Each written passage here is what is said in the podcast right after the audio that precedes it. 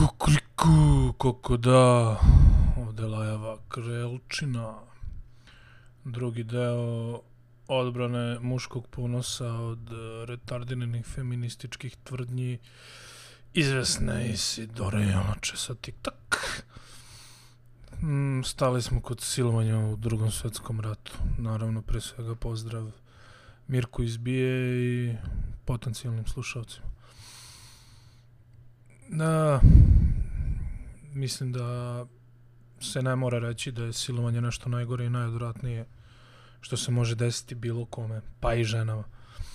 O silovanjima u drugom svjetskom ratu sam znao baš malo, ali nakon ovoga sam sigurniji u moje gore rečenice da smo svi govno i da postojimo, da postajemo najgore zveri ako ne postoji neki strah od odgovornosti. Zver je čak možda i blaga reč. Zver te ubije na brži ili možda neki sporiji način pojede ili šta ja znam, ali sigurno te ne ponižava je ono jebete i psihički, i fizički, i seksualnim činom samo zato što to može da uradi. Samo da bi dokazao da je on ili ona u tim nekim slučajima moćni. E, ne znam stvarno kako nazvati takve osobe, osim ljudima realno. Kako sam, ovo zvuči kao proliv, ja. Informacije koje sam našao o silovanjima u drugom svjetskom ratu su sa sajtova voxfeminae.net koji su valjda napravili intervju ili ga samo preveli sa američkom istoričarkom Wendy Joe Gert Jarnson Gert, Jar, Gert Jarnson ne znam kako se očita. Takođe neke informacije sam našao na sajtu B92 B92 članak druga strana dana D kada su došli Amerikanci, trebalo je sakriti žene. Nešto sam našao na sajtu 021 RS, članak koji je odgovoran za 860.000 silovanja krajem drugog svjetskog rata. Ostale informacije sam pokupio ovaj, sa strane Wikipedije. Ako je verovati, lako se pronalazi, samo ukucaj Raping in Second World War i nalaziš baš dosta štiva, možda čak i previše, sigurno previše. Pa da krenemo kao od početka, kako rata donosi smrt i nemir, tako donosi naravno ekonomsku nestabilnost, siromaštvo, glad, pogotovo za ljude koji su potlačeni. Ovaj, dešava se nestašica ne samo hrane, nego i lekova i drugih nekih raznih životnih potrebština koje su bile manje ili više bitno, što je logično, ponavljam se bez veze. Nemci, tadašnji nacisti, to jest Nemci, su Slovene, Jevreje, Rome posmatrali kao Untermenschen ili subhuman ili na našem podljude ili nižu rasu. Neki njihov plan je bio da se Sloveni izgladne i da se nasele njihovo istočno područje. Znači, uglavnom su se planirali širiti na račun Rusije. Mislim, ne samo na njihov račun, ali ovaj, to im je bio neki plan da se spoje tamo do Kine, pičku materin. To se provodilo tako što mislim silovanje, to se provodilo se tako što osim što je bilo manjka hrane zbog rata, još su im e, Nemci konfiskovali hranu koju su pronašli u njihovim kućama. Vojnici su naravno uglavnom muškarci, naravno napaljena majmunčine, imaju prehambrene namirnice i sa tim dobrima se lako počela širiti prostitucija.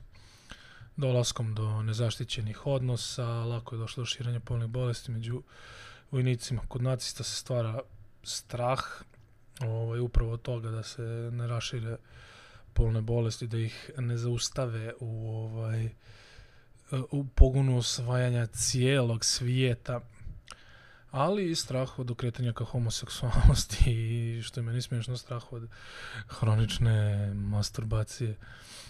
Što nije mi jasno ono, kao ratuješ, ubiješ nekog i ideš da drekaš kao koji kurac. Plus na to nestašica tih antibiotika to jest ne nestašica nego nema na bacanje što bi bacali za nečiju trulu kitu kada ono možeš izlečiti nekog bolesnog čovjeka ne znam je Oj, sve to dovodi do toga da Himmler insistira na uspostavljanju bordela. Čak i ako su te žene bile deo niže rase, znači čak i ako su slovenke ili romkinje ili jevrejke, kako su samo nacisti ovaj, praktični. Hajde mi to lepo da rešimo, otvorimo bordele, prisilimo žene na seks, ovaj, prisilimo ih da odrade medicinske preglede, ne bili utvrdili da li su zdrave, bolesne, šta im fali, odrade tehnički ovaj, pregled, veliki servis, mali servis.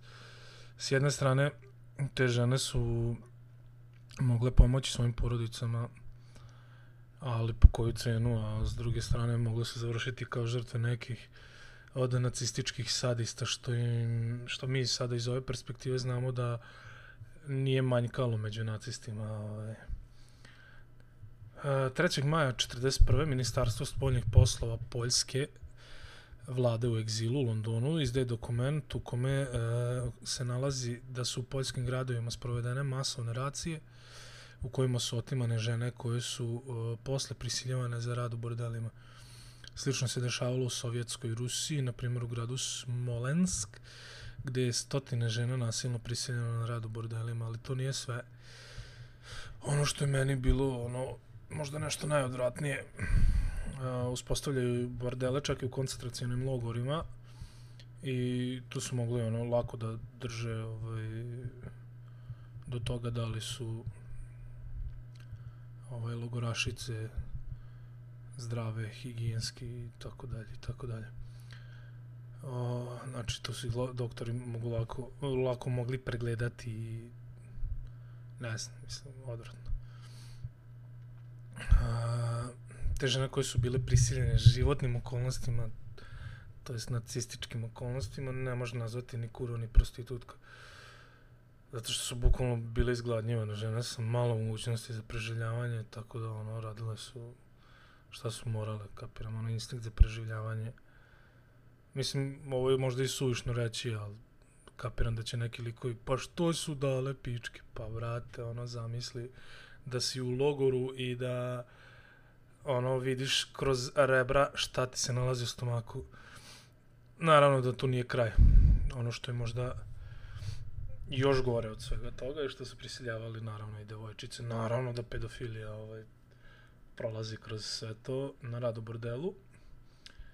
Ali ono što je mene možda najviše ono kao zaprepastilo je ovaj, i što mi ono delo mi najbolesnije je što su osim što su bordeli bili namenjeni vojnicima a, bili su kao jedan deo bordela je bio namenjen i logorašima.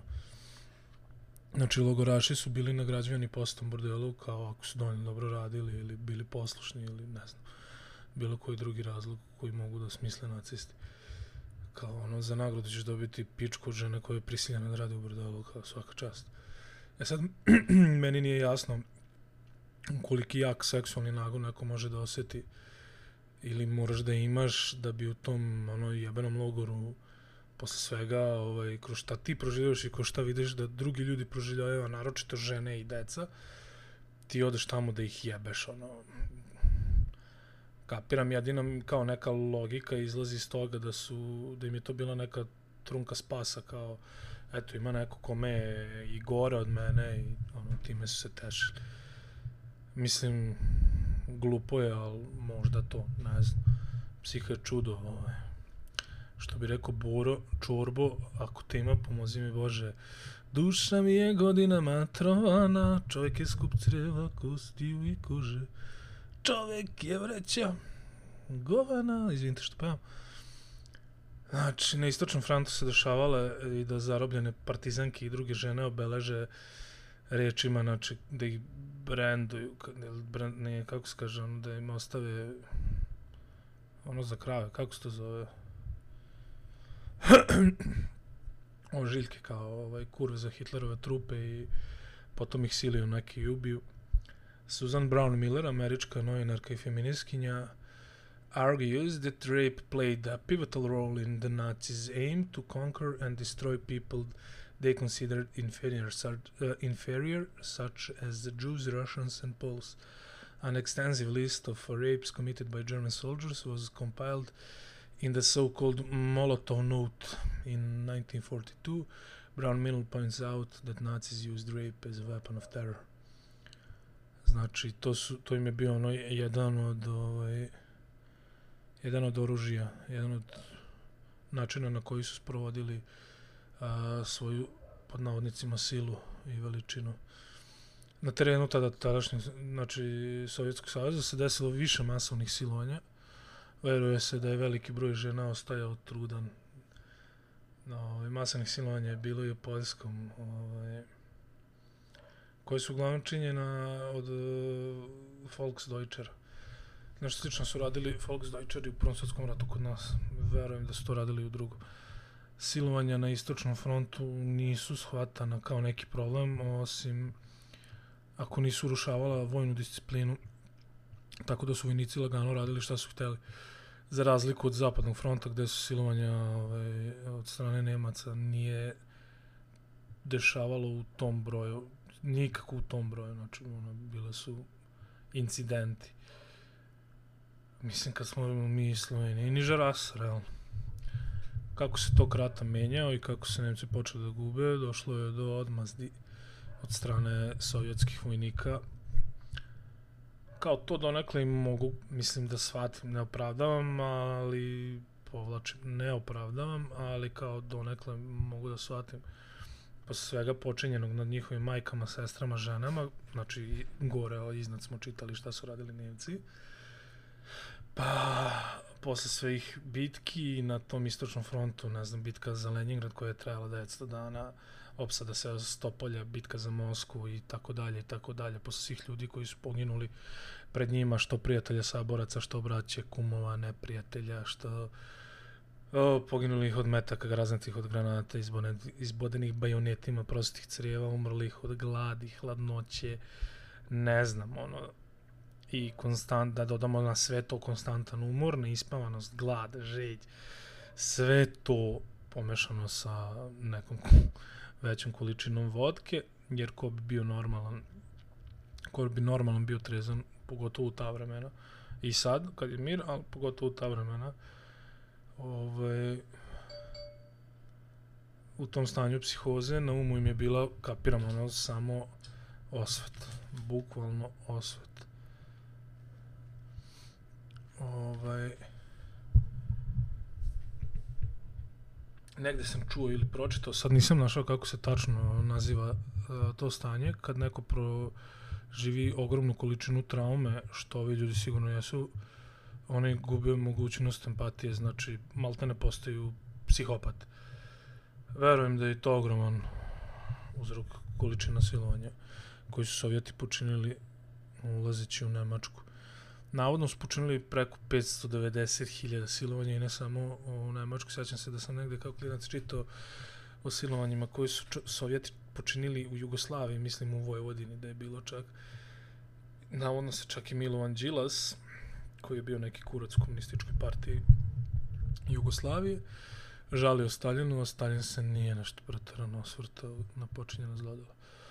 Ono o čemu se po mom skromnom mišljenju ne priča, skoro uopšte, jesu silovanja koje su počinili zapadni saveznici, pre svega amerikanci, tako da postoji ta neka francuska šala, šala pod navodnicima. Kada su došli Nemci, muškarci su morali da se kriju, ali kada su došli Amerikanci, trebalo je sakriti žene. Nije nešto duhovito, ali sve govori sažeto. Zapadni saveznici koji su u istoriju ušli kao slobodioci, heroji, uh, vitezovi krajem drugog svjetskog rata i u posratnom razdoblju silovali su stotine hiljada Nemica. Piše nemačka istoričarka Miriam Gebhardt. Knjiga Als die Soldaten kamen, kad su stigli vojnici, najmanje 860.000 žena i devojaka, ali i muškaraca i mladića, silovali su saveznički vojnici nakon pada Trećeg rajha i u postratnom razdoblju. To se događalo suda, piše Gebhardt, uz napomenu da su u tome prednjačili američki vojnici. Mislim, eto, ovde su Sovjeti, ovde Ameri. Dokumentovana su, dokumentovana su i silovanja koje su počinili američki vojnici nad francuskinjama nakon iskrcavanja u Normandiji u junu 44. Ali globalno su zapadni saveznici, amerikanci, francuzi i britanci zadržali besprekoran ugled pobednika nad nacističkim varvarstvima Verovatno zato što Amerikanac, Francuz i Britanac nekako siluje lepše, jebi ga. A ne prljavi Nemac i Sovjet. Nekako je to ipak... Amer jebi ga. Amer kad siluje, to je... Mm. To mi je nekako baš zanimljivo i dokaz da istoriju piše pobednik ili jači i potvrđuje moju teoriju zakona jači, o čemu sam pričao u prvom delu. Ameri su izašli kao pobednici iz hladnog rata, fini namirisani gospoda jebi ga, a Sovjeti misleći naravno na, uglavnom na Ruse, stoka, rulja, silovateljska koja smrdi na vodku i cigare i brkove koje žare. Ali dobro, to je neka druga teorija zavere koju ću možda nekad razglabati i idemo korak po korak. Šta tera silovatelja da siluje? A, na Wikipediji sam, na Wikipediji sam našao da postoji nekoliko razloga zbog kojeg se silovanje događa. Silovanje iz besa, power assertive rape, ne znam kako bi ovo preveo, možda silovanje iz pozicije moći i sadističko silovanje. Veoma, veoma upošteno da prenesem da se sve uglavnom svodi na to da se siluje s ciljem da se žrtva ponizi kako bi se vršilac osetio moćno u tim nekim slučajevima i da bi pokrio svoj osjećaj lične nesposobnosti ili zato što ga jednostavno uzbuđuje kao što, na primjer, psihopate da nanosi bol i poniženje drugome. U ove tri kategorije ih je podelio klinički psiholog Nikolas Groth. Na sajtu New York Times sa članak What Experts Know About Men Who Rape kaže muškarci koji, uh, koje veoma uzbuđuje porn, uh, rape porn, verovatnoće da će počiniti silovanje je manja ako na testovima pokazuju da imaju više razvijenu empatiju. Znači, ako se ložiš na rape, rape porn, a imaš visoko razvijenu empatiju, nećeš silovati, uglavnom. Dok je za narcisoidne osobe to suprotno. Znači, narcisi, znači nik sa žužom. Što bi značilo da je manja vjerovatnoća da za, da za ljude, ne muškarce, nego ljude koji imaju razvijenu empatiju, da, da, da će silovati. Sve ovo što se tiče silovanja u drugom svjetskom ratu sam prepričao ukratko bez da sam iznosio priče koje su preživele naše žene. Kad kažem naše, mislim na žene iz te Jugoslavije, ali te naše žene koje su proživjele silovanje su uglavnom srpkinje. U to doba, ne govorimo o 90-im, nego u to doba. Ovo je najviše u NDH, ali i u drugim delovima Jugoslavije. Kao što sam rekao, Vojvodina, kopiram da je bilo i dole na Kosovu svašta. Nisam pričao također ono što su Japanci radili po Aziji, najviše u Kini, jer bi mi za to trebalo, kapiram, još jedno 12 dana da sve pročitam, prepričam i tako dalje, pošto i ovo radim već dva mjeseca. Jer ne stižem, jer radim. U suštini, ako smijem tako da zaključim, naravno kao nisam neki ekspert, ali pošto svako može da iznese svoje mišljenje, ovaj, ja ću reći oko silovanja. Znači, o silovanju je stvar uvek oko moći, osim ako nije psihopata pa želi samo da nanese bol. Problem je što su žene slabiji pol, u slučaju da su muškarci ovaj, u slučaju muškaraca vidimo u zatvorima da kako prolaze slabije muške jedinke. Znači moć, kontrola, to je poenta, ne polo.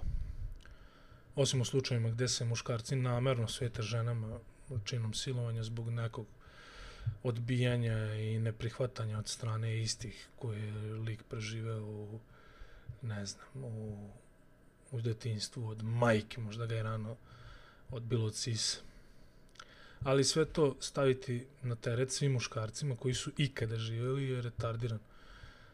Jedna, s jedne strane kao razumem, ali opet i ne možeš ono, ne znam, optuživati sve ljude zbog ne znam, zbog jednog lika koji je počinio, ili dva, ili tri.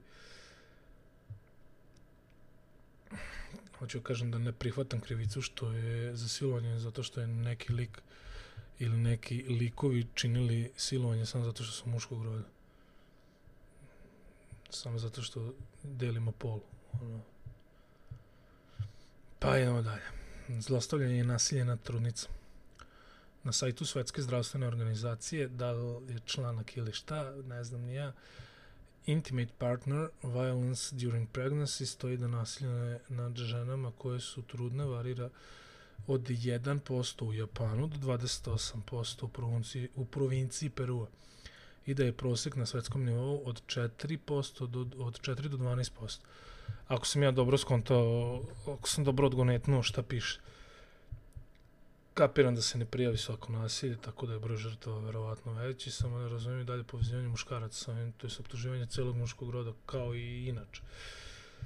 Taj tip ljudi bi vršio nasilje nad bilo kojim polom, mislim, ovo mi zvuči kao papagaj, ponavljam se, ono, taj tip ljudi će uvek vršiti nasilje nad slabijima, bio taj e, muško, žensko, care, e, bilo šta, razumeš, ako je slabiji, bit će ovaj, kako se kaže, dobi, bit će iznabad.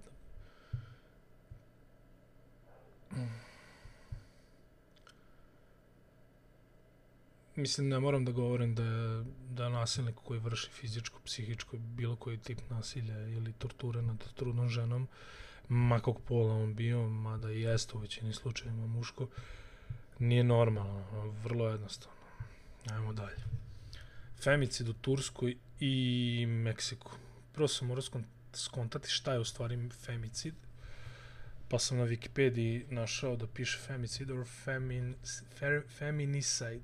Femicide or feminicide is a sex-based hate crime term broadly defined as the intentional killing of females, women or girls, because they are females. Though definitions vary uh, depending on its cultural context, feminist author Diana A. A. H. Russell was the first person to define and uh, disman- di- disseminate this term in modern modern times. In 1976, she defines the word uh, as uh, the killing of females by males because they are female. Other feminists place emphasis on the intention or purpose of the act being directed at females specifically because they are female. Other included the killing of females by females. On a dictionary Cambridge piše the crime of killing a woman or women uh, an occasion when the, this happens. The World Health Organization generally defines femicide as intentional murder of women because they are women. Znači namjerno ubijanje žena samo zato što je žensko ali ovi neki feministki kažu ubijanje žena zato od strane muškaraca zato što su žene. E, malo sam razmislio na ovu temu, malo, malo ima malo mozga, malo razmišljam. E, a imam i kitu, mislim kitu pišicu, tako da razmišljam pišicom. Znači, tačno to što ostane, s tim sam razmišljao ako se malo zagledam, Meksiko i Turska su na nekim sličnim pozicijama, imaju čak i sličnu ulogu. Turska povezuje Aziju i Evropu, Meksiko povezuje Amerike. Ne baš bukvalno, ali se može reći da o, u Severnu Ameriku po kulturi idu Kanada i sad, a u Južnu su ispod Amerike, to jest ispod Meksika. Mada Meksiko, da, dobro, nebitno.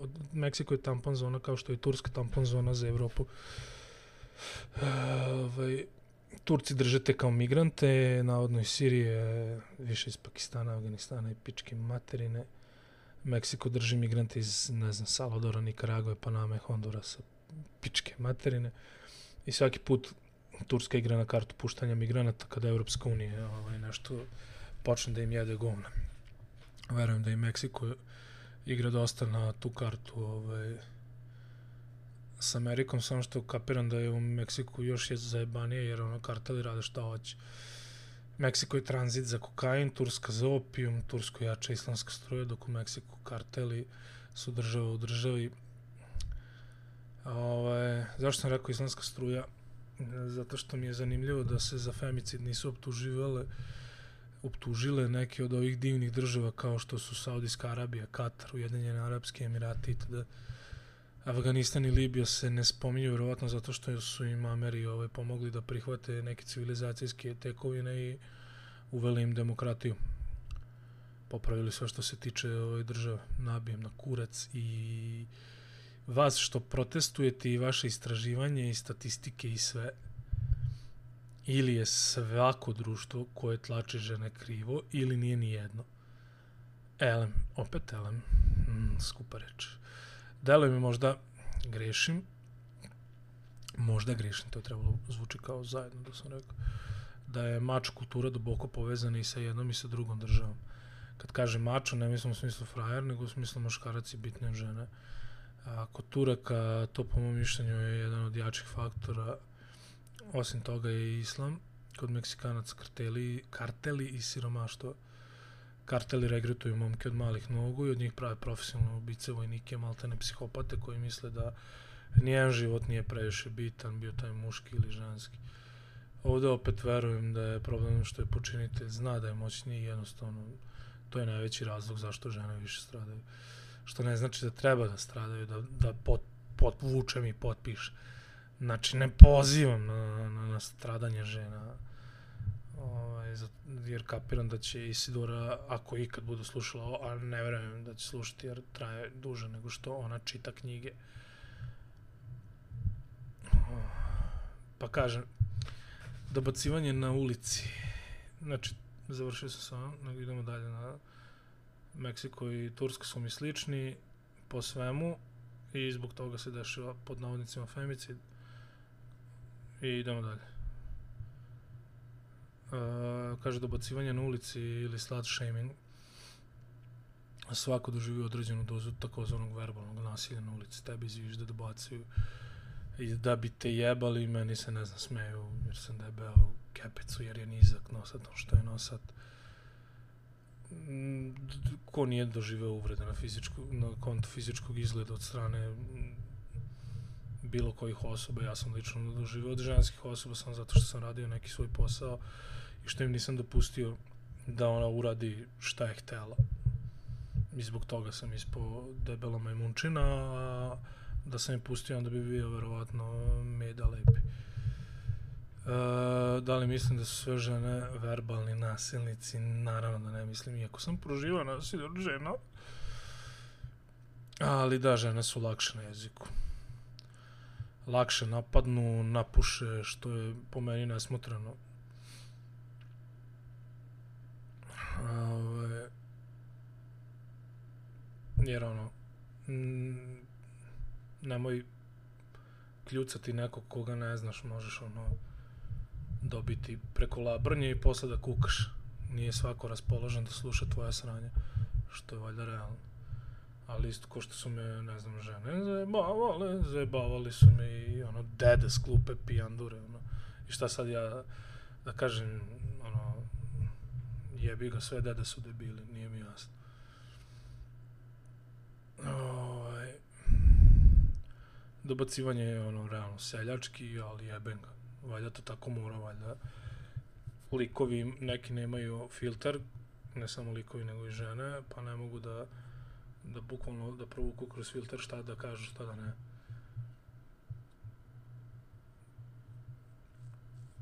A ovaj, slut shaming, mislim, to mi nije jasno.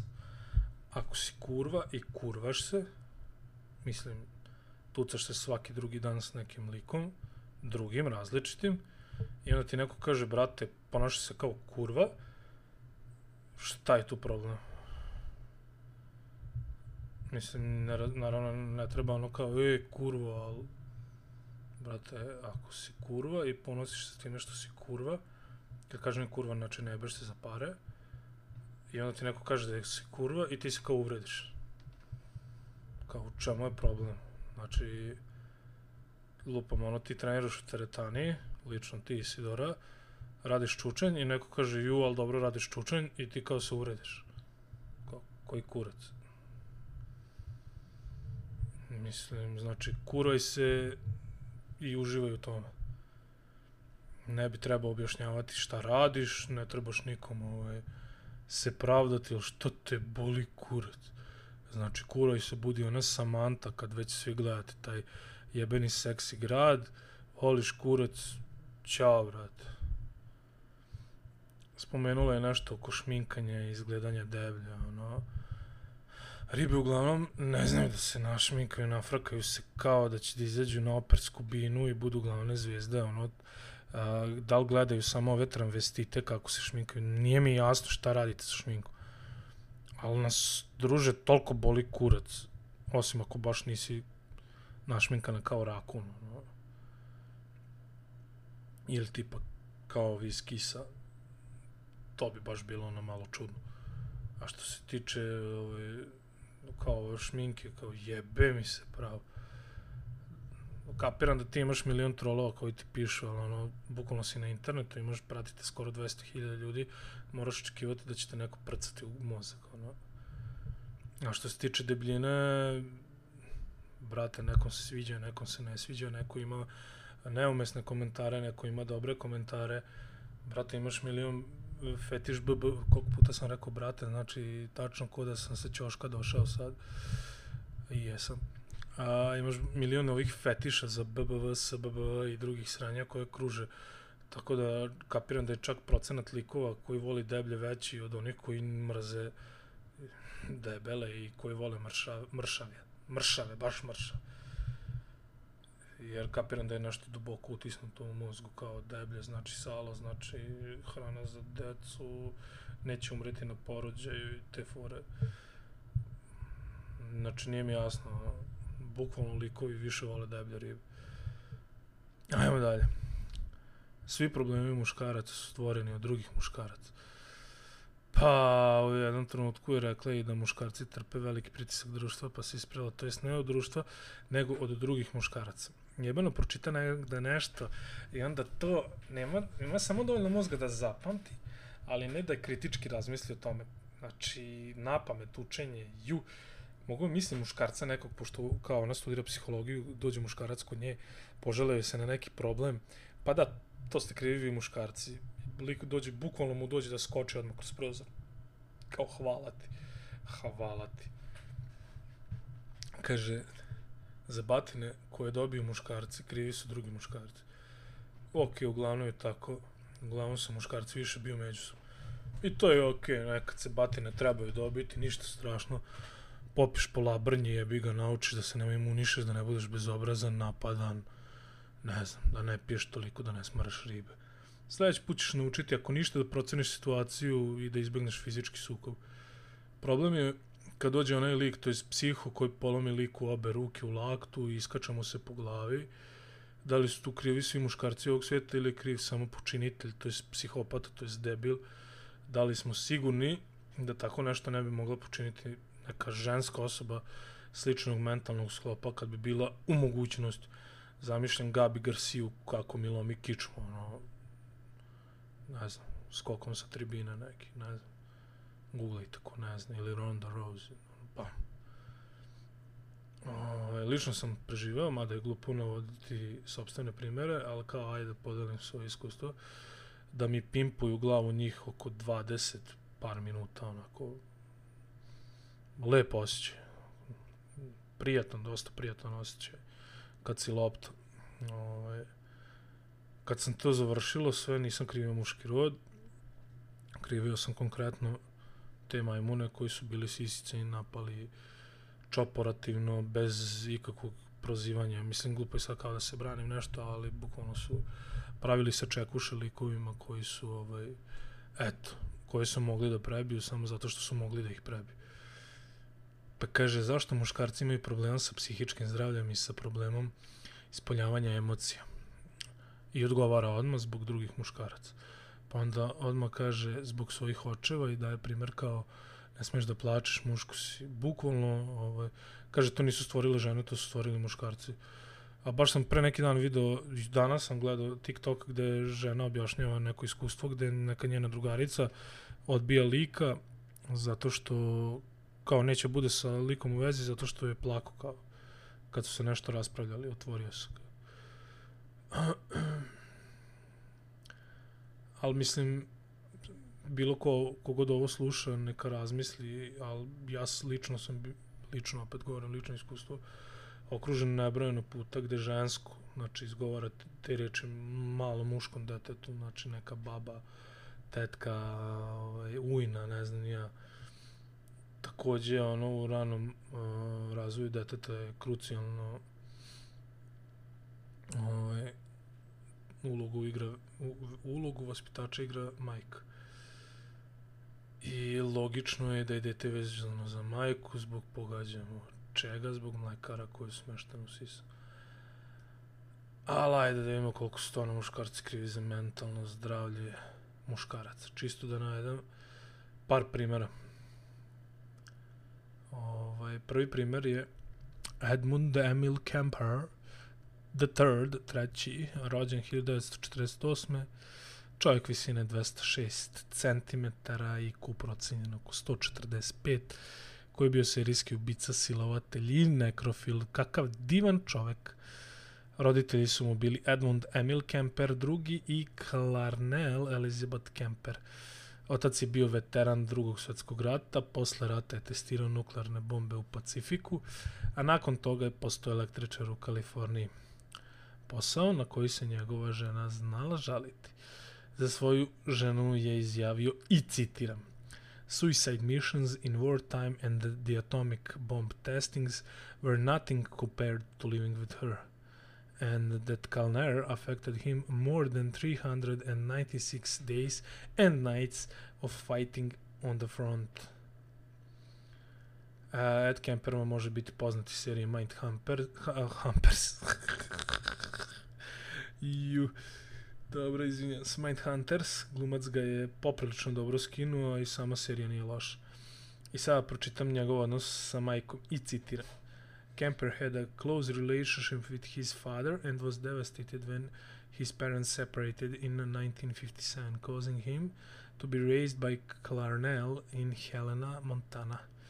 He had severely dysfunctional relationship with his mother, an erratic, do, domineering, domineering alcoholic who frequently uh, belittled, humiliated, humili, humiliated you, ne mogu pričati, and abused him.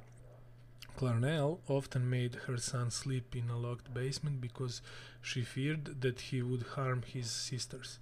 Regularly mocked, mocked him uh, for his size. He stood six, four, six feet 4 inches, 1,93 m, uh, sa 15 godina, and uh, derided him as a real weirdo. She also refused to show him affection out of fear that she would turn him gay. jebi ga, ono, druže, nemoj da plačeš, and told the young camper that he reminded her of his father and that, that no woman would ever love him. Ono sasvim, mislim, njegov otac je verovatno kriv za ovo, uh, pošto ipak su muškarci za sve krivi. Camper later described her as a sick, angry woman, and uh, it has been uh, postulated that she suffered from borderline personality disorder. Uh, at the age of 14, Kemper ran away from home in an attempt to reconcile reconcile with uh, his father in Van Nuys, California. Once there, he learned that his father had remarried and had a stepson. Kemper stayed with his father. For a short while, until the elder Kemper sent him uh, to live with his paternal grandparents. who lived on a ranch in the mountains of North Fork, California. Kemper hated living in North Fork. He described his grandfather as senile uh, and said that his grandmother was constantly emasculating me and uh, grandfather. Posle toga je fini serijski ubica i nekrofil i tako dalje. Idemo dalje. Mary Bell, rođena 17-godišnje Betty Bell, rođena od 17-godišnje Betty Bell, Marina Merina majka radila kao prostitutka, kažu specijalizovala se u sadomazo fetiše koju izvodila u istoj sobi gde je Mary spavala. To jest možda i nije spavala. Majka je nekoliko puta pokušala ubiti, konstantno je ponužavala dok nije odlučila da može na njoj da zaradi novac tako što će je podvoditi. Mary je sa nepunih 11 godina udavila dečaka od 4 godine i nekoliko mjeseci kasnije dečaka od 3 godine. Ah, te majke. I za to je verovatno kriv muškarac. Pa da, dečko je ono kao što mu se što mu se dete muško naš što joj se dete muško našlo među prstima ona kao koji kurac Donald P.V. Gaykins sa godinu dana je popio bocu kerozina, toliko obrižnoj majci. Na ono je toliko malo pazila na njega da je svojim ime Donald saznao na sudu za prekršaj koje je počinio kao tinejdžer. Tokom njegovog detinstva majka imala dosta mamaka, Neki od njih su ga maltretirali, tukli, ona nije naravno ništa radila povodom toga. Kad se udala čak, je, čak ga je i očuh maltretirao. Bio manje grasta, sitnije građe, znači odatle i nadimak pivi. Znači milina za maltretirati.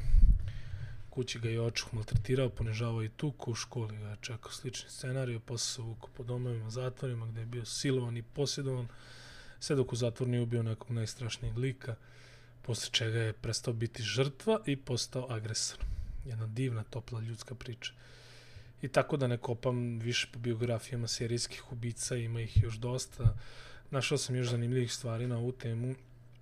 Sajt je neki retardirani ili članak se zove The Psychology of, Celia, of Serial Killer, citiram. Another common characteristic among serial killers is the, their relationship, relationship with their mother. The mothers of these monsters tend to breed uh, men that hate females. The mothers may be over-controlling, over-protective, physically abusive, and emotionally abusive.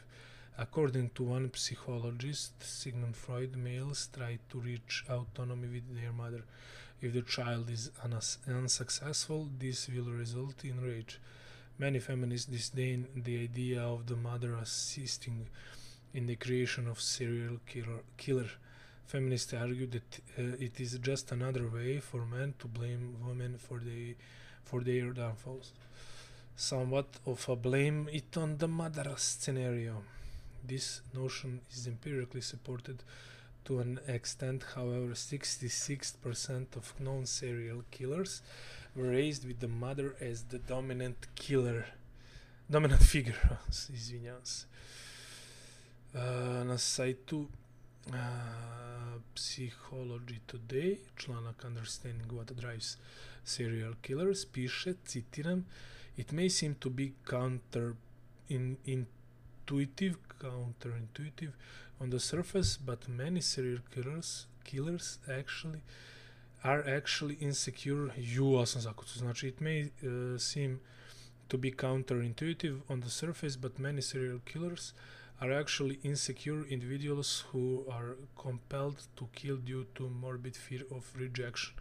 In many cases, the fear of rejection seems to result from having been abandoned by their mother in early childhood.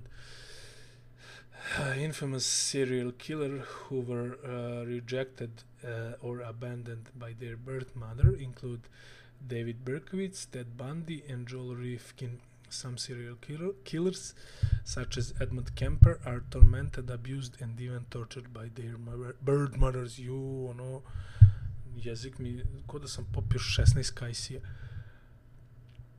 Znači, svega ovoga o serijskim ubicama, šta možemo zaključiti?